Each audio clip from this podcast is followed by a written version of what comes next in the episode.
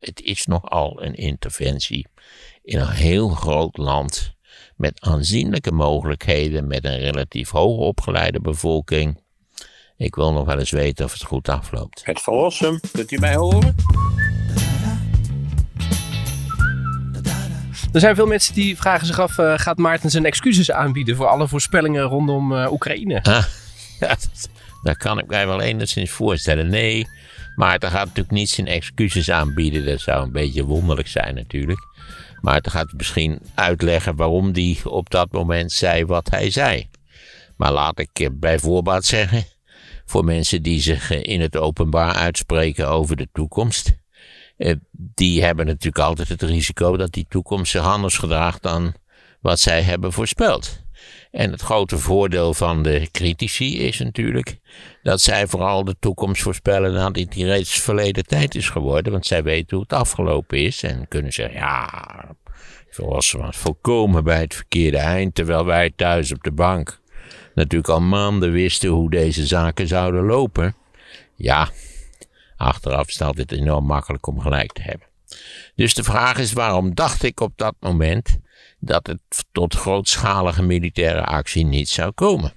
Dat was simpelweg een afweging van de voordelen en de nadelen van grootschalige militaire actie. En in mijn hoofd was het zo dat de nadelen eigenlijk aanzienlijk groter waren dan de voordelen. Dus ik dacht, dat zal Poetin waarschijnlijk ook wel inzien. En dan zal hij afzien van grote militaire actie. Hij zal misschien iets doen in het Donbass, maar hij zal niet overgaan tot waar hij tenslotte toe over is gegaan, namelijk kennelijk de verovering van de gehele uh, Oekraïne. Dat was eigenlijk mijn punt. En uh, ja, daar, ik kan niet anders zeggen dan dat ik Poetin op dit punt verkeerd heb beoordeeld. Dat kan je overkomen wanneer je op analytische gronden uitspreekt over de toekomst. Het is natuurlijk een beetje gek om daar je excuses voor aan te bieden. Wat is dat nou voor volstrekte onzin? Je hebt je best gedaan, je hebt erover nagedacht, je hebt de factoren tegen elkaar afgewogen en je bent tot een conclusie gekomen. Die achteraf niet de juiste blijkt te zijn, dat wil ik graag toegeven. Dat komt natuurlijk vooral omdat dat Poetin een oen is, die, die een besluit heeft genomen wat naar mijn idee niet waar, eh, op de middellange termijn tot hele vervelende consequenties zal leiden voor de Russische Republiek. Daar moeten we het ook even over hebben. Maar waarom je excuses zou moeten aanbieden voor het uitspreken van een op zichzelf coherente gedachte, gebaseerd naar mijn idee op serieuze overwegingen, dat zie ik absoluut niet in. Nee. Eerlijk zou ik zeggen dat de critici er goed aan doen om hun excuses aan te bieden voor de nogal stomzinnige opmerkingen die zij zich gepermitteerd hebben. Ja, de mensen vragen zich af, lees Van Rossum wel eens iets, heeft hij zich wel goed verdiept? Wat, wat, dat is ook vrij geestig natuurlijk. Ja, Van Rossum, ik denk zelfs dat als ik er, laten we zeggen, als ik me er niet zo in zou hebben verdiept, als ik er niets over zou hebben gelezen, dat ik misschien makkelijker gelijk zou hebben gehad. Maar juist als je er enig verstand van hebt, als je dat geleidelijk aan ontwikkeld hebt, in de afgelopen maanden, want ik ben op zichzelf natuurlijk niet een Rusland-deskundige, eh, dan zou je misschien eerder hebben gezegd, nou, ik denk dat het wel gaat gebeuren. Maar juist als je er iets van af weet, zou je zeggen, hmm, want dat vergeten het de critici ook wel erg makkelijk, dat eigenlijk eh, heel veel mensen eh, verwachten dat het niet zou gebeuren.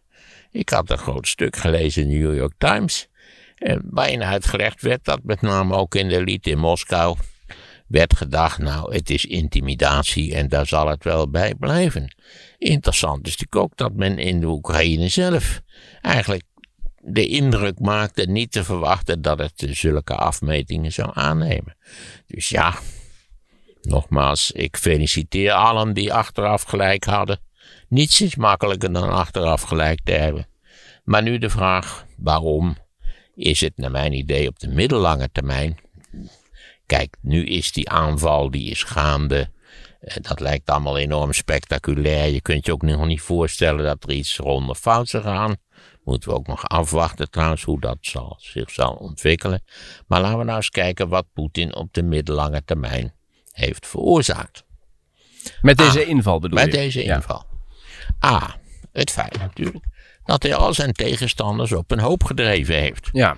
Dat natuurlijk eh, de NATO, die volgens vele informanten eh, hersendood was, weer uit de dood is herrezen. Zijn de, kijk, de kabeltjes. Oh ja, ik heb geen water Oh, wil je meegenomen. dat nog gaan halen? Dit is wa- water met prik wat ik hier trouwens in heb. Nou, dat is geen probleem. Als er maar geen smaakje aan zit. Oh, dan ja, geef ik die aan je. Kijk, hier. Nee, dan draai dat dopje nog maar af, want dat zijn al dingen die ik niet kan. Oké, zo. Ik ben een heel slechte dopjes afdraaier. Kijk, een hele fles is wel een volle fles hoor. Je moet even kijken waar je hem Oké, neerzet. Oké, ik ga dat heel voorzichtig hanteren. Ja, hij heeft de tegenstander op een hoop gedreven. Hij moet rekening houden met sancties op tal van terreinen, zware sancties op tal van terreinen. Daar zal hij al deels rekening mee hebben gehouden. Hij wist natuurlijk wat er aan zou komen als hij dit zou doen. Dus eh, misschien dat de impact aanvankelijk niet al te groot is. Ik moet nog maar afwachten natuurlijk hoe ernstig die sancties zouden zijn. Maar feit is natuurlijk dat, dat, ja, dat die hele kwestie natuurlijk in Europa van, van verdediging, defensie, strategie, plotseling een heel hoge urgentie heeft gekregen die er niet was. Dat heeft hij nu veroorzaakt, namelijk dat de tegenstander waarvan hij zei dat hij vond dat die tegenstander zich terug moest trekken vanuit Oost- en Centraal-Europa, op dit moment helemaal geen zin heeft om dat te doen. En dan is er natuurlijk de kwestie dat hij in de Oekraïne zelf in feite een situatie heeft veroorzaakt waarbij die Oekraïne hem zeer vijandig gezind zal zijn. Nu en ook in de naaste toekomst en ik denk zelfs op de langere termijn. Dus hij heeft ervoor gezorgd dat hij een gebied veroverd heeft, want daar kun je langzamerhand wel van spreken, wat onderdeel moet worden van de Russische Republiek, wat die Russische Republiek tegelijkertijd buitengewoon vijandig gezind is.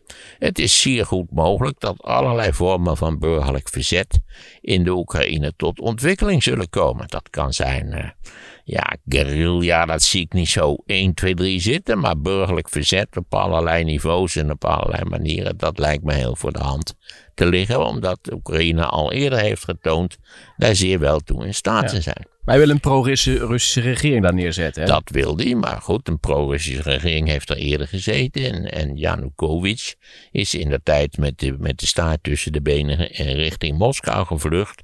vanwege die burgeropstand op het Maidanplein. Hm. Ik neem even een slokje. Dus die mario eh, marionettenregering die kan daar wel neergezet worden, maar eh, dat heeft niet heel Dat veel zin. zegt niet zo verschrikkelijk veel. Een marionetregering. Dus dat moeten we afwachten hoe zich dat eh, verder ontwikkelt. En dan is er natuurlijk nog een derde punt.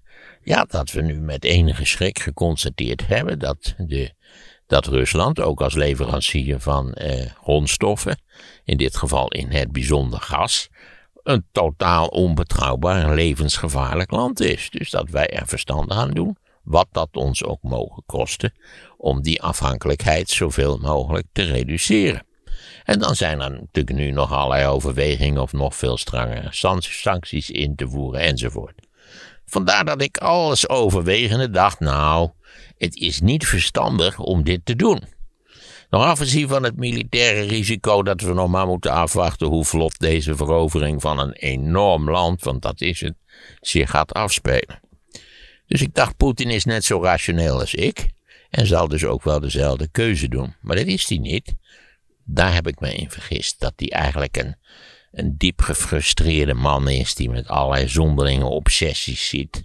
Niet waar dat hij, dat hij in de tijd toen hij in Dresden zat als zo'n onderknuppel verrast was door het instorten van de Sovjet-Unie en dat hij vindt dat dat hersteld moet worden en dat de Sovjet-Unie ingestort is door algehele lulligheid en dat hij vooral niet betrapt wil worden op algehele lulligheid en zo kunnen we nog een aantal andere factoren noemen. En dat hij vindt dat de Oekraïne eigenlijk niet het recht heeft op een soeverein bestaan. Het is een Sovjetman. Eh, er is wel heel veel veranderd door de jaren heen. Want in 2001 was hij de eerste die Bush belde volgens mij toen 9-11 had plaatsgevonden. Zeker, Poetin is gestart met, met laten we zeggen, een, een houding een sympathiek ten opzichte van het Westen. En dat was toen al nadat eh, de NATO op zichzelf uitgebreid was naar Centraal- en Oost-Europa. Daar is hij uiteindelijk van teruggekomen en dat heeft te maken met weer een andere factor die waarschijnlijk ook een rol gaat spelen op de middellange termijn, dat zijn gezag. Met name na 2014 In 2014 heeft hij in de tijd die de Krim bezet en die ongelooflijk lullige, klunzige republiekjes in, in het oosten van de Oekraïne eh, op, op touw gezet. Eh, na dat moment, aanvankelijk deed hem dat heel veel goed en was hij enorm populair vanwege die Krim en zo. Maar eh, dat is in de tien jaar die daarop gevolgd zijn, is dat langzaam weggesleten. Met als gevolg eigenlijk dat zijn machtsbasis eh, in, in, wel aangetast is. En dat, dan komen we aan een probleem wat ik ook wel ter sprake heb gebracht, maar wat op een of andere manier bij niemand enige indruk maakt. Namelijk dat die Russische economie dat dat niet bijster veel voorstelt. we hebben het nog weer eens gehoord. Het is, hij is minder groot dan die van Spanje. Nou ja, dat geeft te denken, zou ik zeggen. De Duitse economie is drie keer zo groot als de Russische economie. Dan heb je een beetje idee van verhoudingen. En de groei in de afgelopen tien jaar is minimaal geweest. De hele vitaliteit ontbreekt eigenlijk aan de Russische economie. En dat is natuurlijk, dat, dat doet ook het hele draagvlak van zijn regime verschralen. Dus sinds die tijd, eigenlijk in het afgelopen decennium, heeft hij verder gekozen voor dat hypernationalisme. We worden bedreigd. Eh, het is schandelijk wat ze Rusland aandoen. Het maar waarom? Rusland. En waarom heeft hij dat gedaan? Wat lag daar aan ten grondslag? Het feit dat zijn steun natuurlijk geleidelijk aan wegsiepelde. Hij, hij moet in, zijn partij is buitengewoon impopulair. Maar ook uit opinieonderzoek in Rusland blijkt dat, dat het vertrouwen wat de Russen in hem hebben, en wat groot was zonder meer, dat dat eh, aanzienlijk gesleten is in de afgelopen jaren. Ja. En het oprukken van de democratie naar het oosten? Nou, dat is natuurlijk een factor die hem enorm veel angst inboezemt die natuurlijk ook de voormalige Sovjet-Unie altijd enorm veel angst inboezemde. Het feit dat je kunt zien dat een democratie beter functioneert, niet waar dan een politiestaat. Want dat is wat Rusland is, dat is een politiestaat. Een autocratie. Hij is ook steeds afhankelijker geworden van, laten we zeggen, dat politiestaatapparaat dus dat hij zijn, al zijn opposanten of dood laat schieten op de drempel van hun appartement. Of hij stuurt ze naar de gevangenis. Of hij doet andere verschrikkelijke dingen. Hij heeft toch ook twee legers? Eén uh, extern voor het buitenland en één voor hun eigen land. De mensen. Nou ja, hij, moet, hij, moet natuurlijk, hij is een autocraat. Hij is een dictator. Hij is een onderdrukker. En daar moeten we nog een factor in ogenschouw nemen. In de afgelopen tijd eh, zijn twee van de andere randrepublieken van de voormalige Sovjet-Unie, Kazachstan en Wit-Rusland. Daar hebben we ook het opmerkelijke verschijnsel gezien van een opstand van de burgers. En niet zomaar, niet een optochtje of zo. Dat viel allemaal erg mee. Dat heeft vaak weken geduurd. En de Russen moesten eraan te pas komen. Om de, want die hebben de uitgebreide ervaringen met dit soort van zaken. Om de zaken in elkaar te timmeren. Uh, nu heeft hij dus de Oekraïne veroverd, of althans hij is bezig dat te doen. Dat zal in de Oekraïne ook, denk ik, leiden tot, tot allerlei vormen van burgerlijk verzet. Is Poetin in staat zou dat mijn telefoon zijn? Dan moet ik hem nog uitzetten. Ja, ik denk het wel. Ik, want dat, ik, heb, ik krijg niks binnen. Dus ja, dit was een sms. Dan, ben, ik het weer. Ja. Ook al ramp met die telefoon. Ik dacht namelijk dat ik hem uitgezet Nee, maar zet hem even uit. Ja, ik zie het al, Poetin. Ja. Die zit natuurlijk mee te luisteren. Zit hier in dit autootje denk ik allemaal afluisterapparatuur. Ja, die zit natuurlijk nu die het allemaal gehoord heeft, denkt hij, ik heb het toch verkeerd gedaan. Ja. Ik had er beter over na moeten denken. Dat begrijp je. Um, ja, dus hij zit eigenlijk in al die randrepublieken waar hij dus een belangrijke rol heeft gespeeld in het onderdrukken van burgerprotesten. Kijk, burgerprotesten die zijn wel onderdrukbaar, maar daar zijn grenzen kunt tenslotte niet duizenden mensen gaan doodschieten, dan, dan, dan, is, dan is, is regime in zekere zin ook aan, aan slijtage onderhevig op een zodanige manier dat er waarschijnlijk een eind aan komt, hoewel je er heel ver mee komt. Dus dat heeft hij ook nog. En bezie ik het zo, dan is zijn, zijn positie in feite relatief instabiel. En het probleem met zo iemand als Poetin is natuurlijk dat hij het hele politieke en sociale apparaat van dat land verschaald heeft, uitgekleed, dat heeft geen betekenis meer. Hij zelf kan daar ook geen beroep op doen. mocht er ooit een soort burgeropstand tegen hem komen, of wellicht nog erger en nog bedreigender, een ander deel van die elite van dieven en moordenaars zeggen, nou ja, die Poetin heeft het een beetje kwijt, die moeten we, daar moeten we iets aan doen. Dat gebeurt vaak in dit type van landen. Dan heeft hij, kan hij ook nergens een beroep op doen. Dat, of hij dat overleeft, dat is zeer de vraag. Dat is even een reden dat deze lui eindeloos aan de macht willen blijven. Omdat ze denken, ja, als het klaar is met de macht, dan is het meestal ook klaar met ons leven.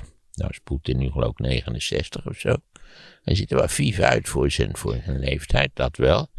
Maar ook die, ja, die lezing die hij hield en zo, dat je denkt, ja, hij is het spoor wel een beetje bijster. Er zat ook kritiek het natuurlijk. maakte Albert al op mij niet een erg rationele indruk. En daar ben ik in de fout gegaan natuurlijk. Ik dacht dat het uiteindelijk toch een proces zou zijn voor rationele overweging. Hmm. Maar hij voelt zich bedreigd door, uh, door het, uh, het Westen, door de NAVO. Hij voelt zich overal door bedreigd. Ja. Daar komt het eigenlijk op neer. Maar dat zit is er een- altijd een... heel slecht teken. Zit er een kern van waarheid in? Want de NAVO heeft natuurlijk, of de Amerikanen hebben tussen neus en lippen doorgezegd, we gaan dat niet uitbreiden. Ja, dat is heel stom.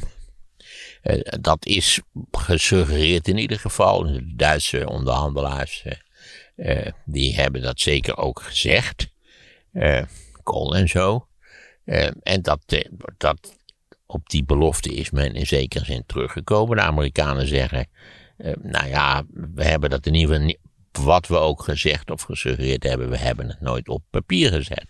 Het is achteraf gezien, denk ik, een niet verstandige gang van zaken geweest. En wat ongelooflijk stom was, was dat de jonge Bush op een goed moment, onbewaakt moment, die had heel veel onbewaakte momenten, heeft gezegd van ja, Georgië en, en Oekraïne kunnen ook best lid worden van de NATO. Ja, dat was natuurlijk tegen, volop tegen het zere been.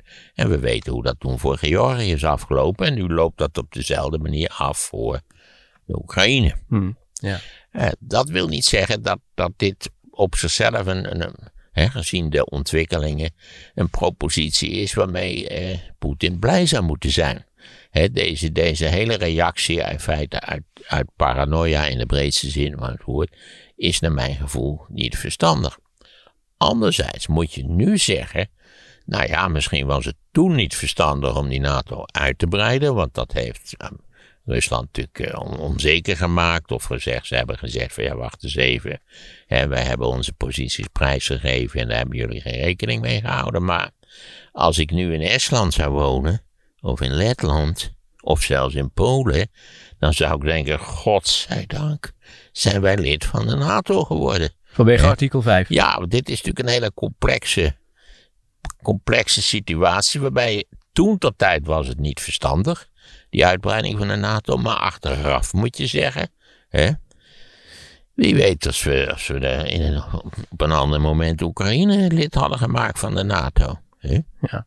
Maar dat roept natuurlijk wel de vraag op Finland en Zweden die geen lid zijn. Moeten die zich zorgen maken? Ja, dat, daar zou ik zeggen van niet. Maar goed, ik woon niet in Finland of in Zweden. Maar ik denk dat het niet handig is om die. Kijk, die lui die uh, werken al heel intensief samen met de NATO. En dus ja, op zichzelf is het niet direct noodzakelijk. Rusland om, heeft wel gewaarschuwd, hè? Van pas op. Ja, Rusland kan natuurlijk allerlei lui waarschuwen. Maar daar zijn de risico's. Als je daar de zaken aan zou pakken, zijn de risico's wel een stuk groter. Wat is het verschil ik ga, dan? Ik ga eruit vanuit dat bij een eventuele Russische aanval op Finland. Waarom zou die trouwens ondernomen worden? Dat is niet helemaal duidelijk. Dat, uh, dat het Westen zeker in beweging zou komen. Maar wacht even, waarom kon dit? Omdat de Oekraïne geen lid was van de NAVO. En naar het idee van Poetin, niet zozeer een bufferstaat. Want ik denk dat iedereen wel ervan uitging dat de Oekraïne een soort bufferstaat was. Nee, Poetin was van mening, het is een onderdeel van Rusland en moet een onderdeel van Rusland worden. En daar had hij allerlei overwegingen voor, namelijk eh, historische overwegingen. En natuurlijk in, het, in zijn achterhoofd vanzelfsprekend de gedachte, ja wacht nou eens even. Als die Oekraïne een bloeiende tent wordt, dan straalt dat natuurlijk hoogst ongelukkig af op die, op die schrale politiestaat die ik heb georganiseerd. En waar ik alleen mijn goede vrienden eh, profijt van hebben. En ikzelf. Ja. Kun je zeggen dan dat, uh, dat ons iets kwalijk uh, valt te nemen uh, als we Westen zijnde en als NAVO zijnde? Nou ja, historisch kun je zeggen hoe verstandig was het om in de late jaren 90 en de vroege jaren van de nieuwe eeuw die NATO uit te breiden. Dat hadden we misschien beter niet kunnen doen. Maar ondertussen is de situatie zo gedraaid dat dat eigenlijk niet bijster relevant meer is. En dat je nu zegt, nou ja, dat mogen zo zijn. Maar toch fijn dat we de NATO wel hebben uitgebreid, want dat geeft toch een soort van garantie. Al moet je natuurlijk zeggen dat zuiver strategisch de drie Baltische republieken natuurlijk niet te verdedigen zijn. Mhm. Ja. Eh, maar je kunt, wel, eh, je kunt wel andere vormen van verdedigingsmechanieken proberen te bedenken. ja. Vrees je nog voor die Baltische staten? Nee, daar vrees ik Maar er ligt ook een stukje eh, Nee, Russisch gebied, eerst hè? Moet die, eerst moet hij deze zaak tot een goed einde zien te brengen. Dat moet gestabiliseerd worden als hij daar al in zal slagen. Want kijk, eh, misschien moeten we ook een leuk overzichtje maken van interventiepolitiek van de afgelopen 20, 30 jaar. Ik zat nog te bedenken, wat is nou de meest effectieve interventieaanval ooit geweest? Dat zijn de Duitsers op Frankrijk in mei-juni dagen van 1940, nietwaar, wanneer ze als een warm mes door de boter in drie weken, nietwaar, van de Franse grens naar de Noordzeekust lopen. Nou, lopen is misschien niet het juiste woord, maar dat ging wel erg makkelijk en, en, en snel allemaal. En nou ja, tel er vier jaar bij op. En wat zie je dan? Dat de geallieerde landen op de Normandische stranden. En dat het eigenlijk binnen een jaar is afgelopen met Nazi-Duitsland. Hè, laten we, eh, Irak, hè, god, dat was ook wat een interessante, dominante, indrukwekkende vertoning. Je weet nog dat dat beeld omver gehaald werd van, van eh, Saddam Hussein. ja. Op dat plein in Bagdad en zo. Nou ja, we weten hoe dat afgelopen is, bar slecht. En ja, je durft het nauwelijks te zeggen in dit verband. Afghanistan, waar de Russen natuurlijk een ongekende, echt beschadigende zeepert hebben gehaald in de tijd. Toen ze daarin, in, wanneer was het, 81 of zo, geïnterveneerd hebben. En ja, de Amerikanen hebben het er niet veel beter van terechtgebracht, moet je constateren. Dus interventiepolitiek, dat is. Kijk, op het moment dat je eraan begint. Niet waar lijkt het allemaal enorm indrukwekkend. En ja, goed, de tragiek is natuurlijk dat eh, Oekraïne geen luchtmacht heeft. Voor zover ze een heel klein beetje luchtmacht of luchtverdediging hadden, is het uitgeschakeld. En in de moderne oorlog is het knap lastig om zonder luchtmacht, eh, zonder luchtsteun te vechten. Dus ja, dat lijkt er nu allemaal heel gunstig uit te zien voor eh, het Russische leger. Hoewel we ook dat nog moeten afwachten. Maar hoe ziet het er over vier jaar uit? Dat zou ik graag willen weten. Je kunt het spel beginnen, maar het beginspel is makkelijk. Het pionnetje naar voren en zo. Maar het eindspel. Het eindspel is complex. En het eindspel bij al die interventies die ik genoemd heb, is totaal mislukt. Het heeft enorme schade toegebracht aan de interveneerders. En ik, ik acht het zeer wel mogelijk dat dat nu weer zal gebeuren. Het is nogal een interventie in een heel groot land met aanzienlijke mogelijkheden, met een relatief hoogopgeleide bevolking. Ik wil nog wel eens weten of het goed afloopt. Wat zou Poetin Dus ga ik mijn excuses aanbieden aan al die critici? Nee, denkt u er zelf eens wat beter over na. Hè? In plaats van allerlei gemakzuchtig gelul te vertonen. Wat zou Poetin kunnen stoppen? Nou ja, zoals iemand heel treffend zei, kan hij niet dood. Ja, dat is dan inderdaad een hele fijne oplossing. En dan is het denk ik ook wel eens een beetje afgelopen. Maar dat is waarschijnlijk niet eh, wat gaat gebeuren. Ehm, ik heb geen idee. Voorlopig staat hij op winst. Maar je moet dat anders beoordelen. Je moet het beoordelen over de komende vijf tot tien jaar. En dan betwijfel ik in hoge mate of die op winst staat. Ik, ik geef geen cent voor de toekomst van de Russische Republiek. Het is een enorm land met een waardeloze bureaucratie, met een waardeloze economie, wat in feite leeft van de verkoop van grondstoffen. En ben daar niet zo enthousiast over. Maar wacht eventjes, westerse bedrijven die, die gaan maar dolgraag daar naartoe om zaken te doen Nee, dat doen ze helemaal niet. Er zijn genoeg CEO's. Aangezien als je daar daar succes hebt, wordt de boel afgepakt. Dus je weet, denk Ja. aan de Shell. Ja, maar goed, er zijn er genoeg die daar toch deals hebben gesloten. G- Gasunie met Gazprom, met Balkenende en Poetin op de achtergrond. Ja, ja, zeker. Nou goed, dat gas, daar hebben we nu spijt van. Hè. Ik, nee, men is in het algemeen niet zo verschrikkelijk enthousiast over de vitaliteit van de Russische economie. Wat, wat ook eh, vergeten wordt, is dat een, een aanzienlijke groep van hogeschoolden permanent verdwijnt uit Rusland. En je begrijpt wel, als je hogeschool bent, je kunt wat. Wiskundige, natuurkundige, het kan van alles wezen. Het zullen geen historici zijn, neem ik, die massaal verdwijnen, maar goed. eh, Ja, eh, je weet dat je in de rest van de wereld meer geld kunt verdienen, meer vrijheid geniet en een veel prettiger leven kunt leiden. Dus waarom zou je niet opkrassen? Ik denk dat als je het even na zou rekenen, dat er over de afgelopen twintig jaar miljoenen hogescholen zijn verdwenen. Problemen die zich altijd hebben voorgedaan in dit type van staten. Denk aan de DDR. Daar hoefde je alleen maar in Berlijn naar de andere kant te lopen en dan eh, verdiende je vijf keer zoveel en mocht je zeggen wat je wilde. Ja, er zijn inderdaad verhalen van ondernemers die zeggen, nou het kan goed gaan met mijn bedrijf, maar het moet niet te goed gaan, want dan komen ze langs en dan pakken ze je alles af. Zo is het maar net. Daar zijn tal van voorbeelden van bekend. En als het maar heel goed gaat en nou ja, je denkt aan het bekende Shell-drama, hè, waar, waar, ze, waar ze gewoon gedwongen zijn, want ze, hebben dan allerlei lullige technieken, dat je de belasting niet op tijd betaald hebt en maar dat soort van dingen, en dan worden de spullen afgepakt. Nee, Rusland is een land zonder toekomst. Maar goed, als je ergens anders... Veel te groot, dat is het hoofdprobleem. Ja. ja. Want laten we wel wezen, als je even hebt het over de geopolitiek gaat, hè, wie het wereldeiland beheerste, die beheerste de wereld. Nou, dat hebben we gezien. Denk aan de Sovjet-Unie. Wat, wat een totale ingrijpende mislukking dat tenslotte geworden is. Ja.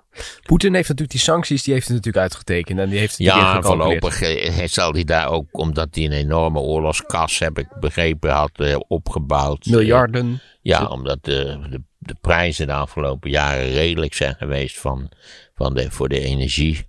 En nogmaals, hij heeft op geanticipeerd natuurlijk op deze situatie, maar dat is op de relatief korte termijn. Dus wij hebben het over de, de, de middellange termijn. Oké. Als iemand mij zou vragen, zou jij op de middellange termijn zeer ruim investeren in Rusland, zou ik zeggen, nee, dat zou ik zeker niet doen.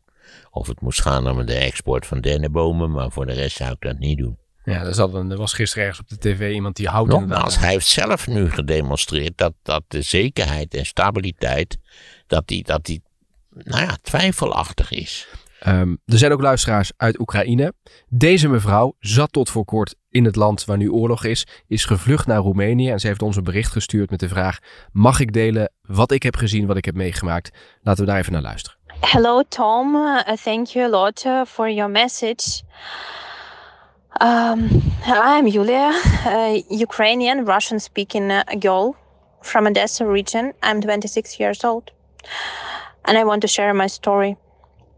I'm going uh, to Poland to help Ukrainian refugees by car. Uh, yesterday, my parents um, pushed me to go to Moldavia. It was uh, um, the hardest decision in my life and the worst day ever. I'm only one child in my family, and my father will go to protect my country, and my mom will stay with him forever. So Yesterday, maybe I hugged them the last time in my life. I don't know. Two days ago, me and the whole country woke up uh, from the sounds of bombs. And I really wish none of uh, you experience uh, this. Uh, the whole country is like I, I even you know like I even have like no words to express how it's awful and terrible and shouldn't be uh, on the planet. Our president is super brave, perfect. I'm really proud of him, how he supports us. My message is we need to stop the military aggressions right now, immediately. Russia is attacking us from the sky with rockets. And we don't have enough resources to protect our cities, our people. They are attacking with rockets. They shoot houses. Yesterday, they uh, they made such attack for kindergarten, for kids, children. And uh, I really, really hope uh, that yours and other European governments can hear me and uh, will do something because uh, the situation is emergency, like the most emergency what you can imagine. Also, as with the sanctions don't work, and we need the most uh, uh, powerful sanction as possible uh, to cut Russia from SWIFT, uh, stop buying their oil, gas, uh, like everything. Uh, I don't know what can help, but we have to try, keep trying to save our country and our lives. Ja, dit geeft natuurlijk de trieste realiteit van dit moment weer. Mevrouw die dus uit Oekraïne gevlucht is naar Roemenië en die haar verhaal deelt. Zijn er meer van dit soort verhalen? Zoek dan contact met ons als wij via de podcast daar ook een rol in kunnen spelen. Contactgegevens vind je in eh, de beschrijving. Maar goed, die sancties, want je, je wil toch als, als NAVO-EU iets doen. Zij gaan altijd met sancties, hè, er wordt er gezwaaid, maar het, heeft weinig, uh, het maakt weinig indruk. Nou ja, dat moeten we even wachten. Ik denk dat die twee banken, die twee staatsbanken, of althans die banken die grotendeels in staatsbezit zijn, die gaan dat wel maar goed merken. En, en, uh, hoe heet het, Paul Krugman had een aardig stukje, dat, dat als we de, laten we zeggen, verborgen fondsen van, van de rijkste Russen zouden meten aan te pakken, hè, die door corruptie en witwasserij eh, overal in het Westen zijn ja, belegd. Navalny heeft Rutte daar een keer voor gewaarschuwd, hè? Zo van, let op, eh, bedrijven gaan in Nederland geld ja, als je, als je dat zou kunnen doen, maar dat betekent dat we ook onze eigen corruptie moeten bestrijden. Want ook wij hebben rijke mensen die geen belasting betalen en via de Cayman-eilanden of andere onbetrouwbare criminele eilandjes uh, hun, hun geld onttrekken aan, aan, aan, de, aan de overheid, laat ik het zo zeggen. Ja, ook daar moet je natuurlijk zeggen, want het is wel opvallend natuurlijk dat de Russische elite, dus al die, al die multimiljonairs, miljardairs moet je spreken, beleggen die hun geld in eigen land. dat is altijd een signaal dat je er wel vertrouwen in hebt. Ja, dat is niet zo. Stel voor dat jij een miljard verdient en je wil het toch niet naar de Cayman-eilanden uh, uh, gaan exporteren. Dan beleg je het in eigen land of in West-Europa. Uh, dat doen Russen dus niet. Die beleggen dat geld niet in eigen land omdat ze precies weet hoe het in elkaar zit. dat het allemaal zo onzeker als de pest is. Ja, maar dan toch even over die sancties. Want ja, uh, Poetin, we zeiden net, wat kan Poetin stoppen? Nou, die sancties in ieder geval niet. Dat voorlopig, zal voorlopig niet. Voorlopig heeft hij, heeft hij voldoende buffer om, laten we zeggen, die sancties op te kunnen vangen. Al zijn die sancties niet prettig voor Rusland. En ook niet voor het ons? Het is een zwakke economie. Ook niet voor ons, maar wij hebben geen zwakke economie, maar een sterke economie. Maar goed, de, hij heeft al gezegd van uh, met VDF, hè, die daar nu uh, verantwoordelijk voor is, die heeft al gezegd, nou, wij gaan met dezelfde zaken gaan wij terugslaan. We zullen het spiegelen. Prima, laten ze dat vooral doen. Het is een economie van Piet Prik. Ik ben heel benieuwd. Ze kunnen inderdaad met die energie kunnen ze heel vervelende dingen doen, maar ze staan honderd keer zwakker dan wij. En met wij bedoel ik in principe het westerse kapitalistische systeem. Ja, dus dat de gasprijzen hier wat oplopen en dat Ja, dat kan. Nou, dat is te compenseren door, door subsidieregelingen. Ik denk ook dat dat er wel van zal komen, omdat ik voor heel veel mensen op kleine budgetten is het vrij rampzalig als je je energierekening vertweevoudigt. Dus ook hey, Rutte met je kabinet 4, doe er iets aan. Ja, Dat is vrij simpel zou ik zeggen, om, die, om die kosten, die extra kosten te spreiden over de hele bevolking. Dus ga ik mijn excuses aanbieden? Nee, denkt u er zelf eens wat beter over na. Hè? Wil je meer weten over de achtergronden en de geschiedenis van Rusland en de Sovjet-Unie en de leiders van dat land? En Stalin hebben ze toen bij die Kremlin-muur eh, begraven. Luister dan ook naar de luisterboeken Lenin en Stalin. En we zullen zien dat dat de meest fantastische, rampzalige effecten met zich mee heeft gebracht. Je vindt ze via het linkje in de beschrijving. En ik moet u eigenlijk eh, waarheidsgetrouw er even bij zeggen dat ik helemaal geen deskundige ben op het terrein van Lenin en Stalin.